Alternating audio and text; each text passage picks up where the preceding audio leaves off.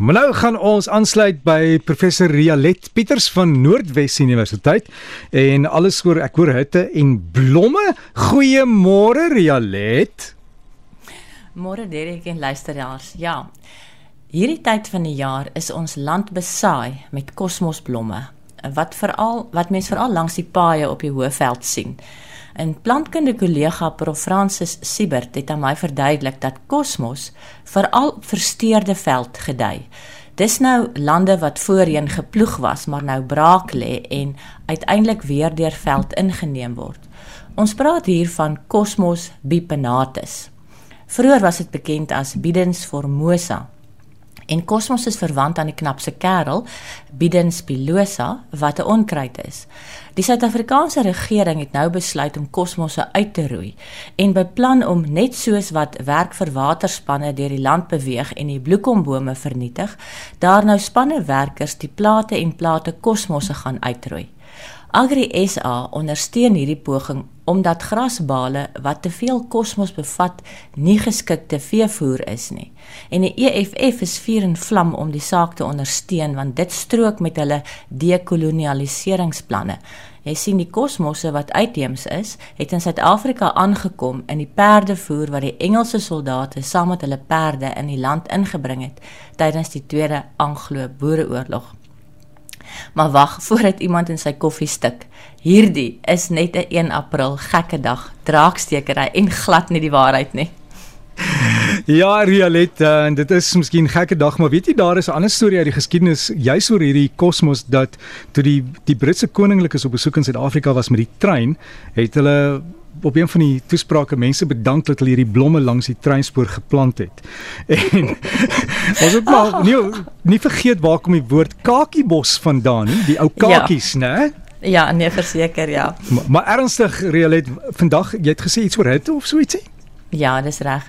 In 21 Januarie van hierdie jaar se omgewingspraatjie het ek vertel van die spesiale aanpassing wat vir al die Artiodactyla, die ewehoewiges, soos die gemsbok, beeste en skape het, naamlik die Carotis reti in hulle skedels, waarmee hulle die temperatuur van die bloed na die brein kan afkoel. En uiteindelik flous hulle die hypothalamus in die brein waar die temperatuurbeheerstelsel van die liggaam sit en impulse uitstuur om die diere te laat hyg en of sweet en so afkoel. Deur die bloed na die brein bietjie koeler te maak, stel hulle hierdie afkoelingsmeganisme uit en omdat die afkoelingsmeganismes verlies aan liggaamsvog meebring, is hierdie aanpassing eintlik 'n manier om liggaamsvog te spaar in warm wordende klimate. Vandag vertel ek van die aanpassing wat volstruise het om af te koel in hitte en om warm te bly in koeler weer. Erik Swensen van die Lund Universiteit in Swede en medewerkers het van 2012 tot 2017 amper 5600 fotos van 794 volstruise op 'n volstruis navorsingsplaas in die Klein Karoo geneem. Hulle artikel het aanlyn op 4 Januarie van hierdie jaar verskyn. Op hierdie plaas het hulle toegang gehad tot volstruisbevolkings wat al 9 generasies op die plaas in aanhouding geteel is. Hulle het 'n spesiale kamera gebruik, naamlik 'n infrarooi termografie kamera. Op hierdie manier hoef jy nie die diere te hanteer nie en kan die temperatuur onder natuurlike omstandighede bepaal word met behulp van die fotos. Dis reeds bekend dat die nektemperature van die interne en die uh, met die interne liggaamstemperatuur ooreenstem. Hulle het bevind dat die volstruise nek as 'n termiese venster in aanhalingstekens gebruik word en van oormaat hitte ontslaa raak in warm toestande, maar hitte terughou in koeler tye en so die temperatuur van die kop en die brein stabiliseer. Maar hierdie hitteregulering deur die nek blyk nie onder beheer te wees van een of ander stelsel nie, want die temperatuur van die nek styg in dieselfde mate as die omringende lugtemperatuur. Aktiewe termoregulering moet dus in die brein plaasvind om die brein teenoor oormatige hitte te beskerm, want as die navorsers brein en nektemperature met lugtemperature vergelyk, is die verskil tussen die nek en die kop se temperatuur nie groot nie wanneer normale lugtemperature ervaar word. Dis nou dagtemperature van tussen 20 en 30 grade Celsius. Dis wanneer dit koeler as 20 grade Celsius en warmer as 30 grade Celsius is, dat die kop en nek temperature baie van mekaar begin verskil. Die nek word al hoe warmer soos wat die dag warmer word, maar die kop se temperatuur neem nie teen dieselfde mate toe nie. Op die navorsingsplase in die Klein Karoo kom daar 3 volstruisbevolkings voor. Die Suid-Afrikaanse swart volstruise, Strutio camelis, die Zimbabwe blou volstruise, Strutio camelis australis en die Keniaanse rooi volstruise, Strutio camelis masaicus. Van die drie tipe volstruise is dit net die Keniaanse volstruise wat nie hulle koppe se temperature heeltemal so goed bestuur nie en het die koptemperatuur die stygings in dagtemperatuur gevolg. En die rede is omdat die Suid-Afrikaanse en Zimbabwese volstruise beter aangepas is vir die uiterste temperatuurskommelinge omdat hierdie lande groter temperatuurskommelinge ervaar as die meer gematigde Kenia. Die drie groepe volstruise se termoregulering by koue temperature was egter min of meer dieselfde. Die wyfies wat hulle koptemperature beter gereguleer het, het beter eierlê tempos onder warmer toestande gehad as die wat nie so effektief hulle koptemperatuur kon beheer nie. Die meganisme waarmee die volstruise hulle koppe se temperatuur laer as nek as die nek en die res van die liggaam hou, is waarskynlik deur middel van die optalmiese reti. In die omgewingspraatjie van 21 Januarie het ek verduidelik dat dit die Carotis reti is wat die Afrika wildsbokke se breintemperatuur laer as die liggaamstemperatuur kan hou. Nou by voëls is daar 'n soortgelyke stelsel. Die interne karote slaghaar wat suurstofryke bloed van die voël se hart na die kop neem, vertak onder andere in 'n bloedvat wat die oog bedien, die optalmiese slaghaar, maar die vertak ook in 'n netwerk. En hierdie netwerk lê baie naby aan die are wat bloed van die mond, keel en oë terugneem hart toe. Hierdie terugkerende bloed is koeler en koel so die bloed in die optalmiese reti af. In 'n ander studie wat deur dieselfde navorsingsgroep in Nature Communications van Februarie 2021 gepubliseer is, verduidelik hulle die rol van ekstreme temperature op die voortplantingssukses van volstruise. In hierdie studie van hulle het 1300 volstruise, ook van die Klein Karoo, deelgeneem. Hulle het die aantal eiers en sperms wat geproduseer is bepaal, sowel as eiermassa en spermlewensvatbaarheid. Hulle het ook getel hoeveel eiers uitgebroei het en uiteindelik hoeveel kuikens oorleef het.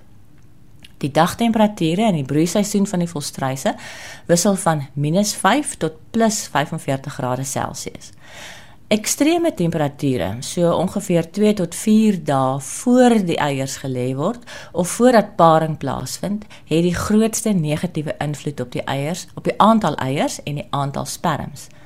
Die ideale temperatuur vir die meeste eiers om gevorm te word is 20 grade Celsius, maar die meeste sperms word by 26 grade Celsius vervaardig. En alhoewel die aantal eiers en sperms afgeneem het met temperatuurskommelings, blyk dit uit die studie dat die kwaliteit van die sperms en die eiers darm nie te veel nadelig beïnvloed word nie.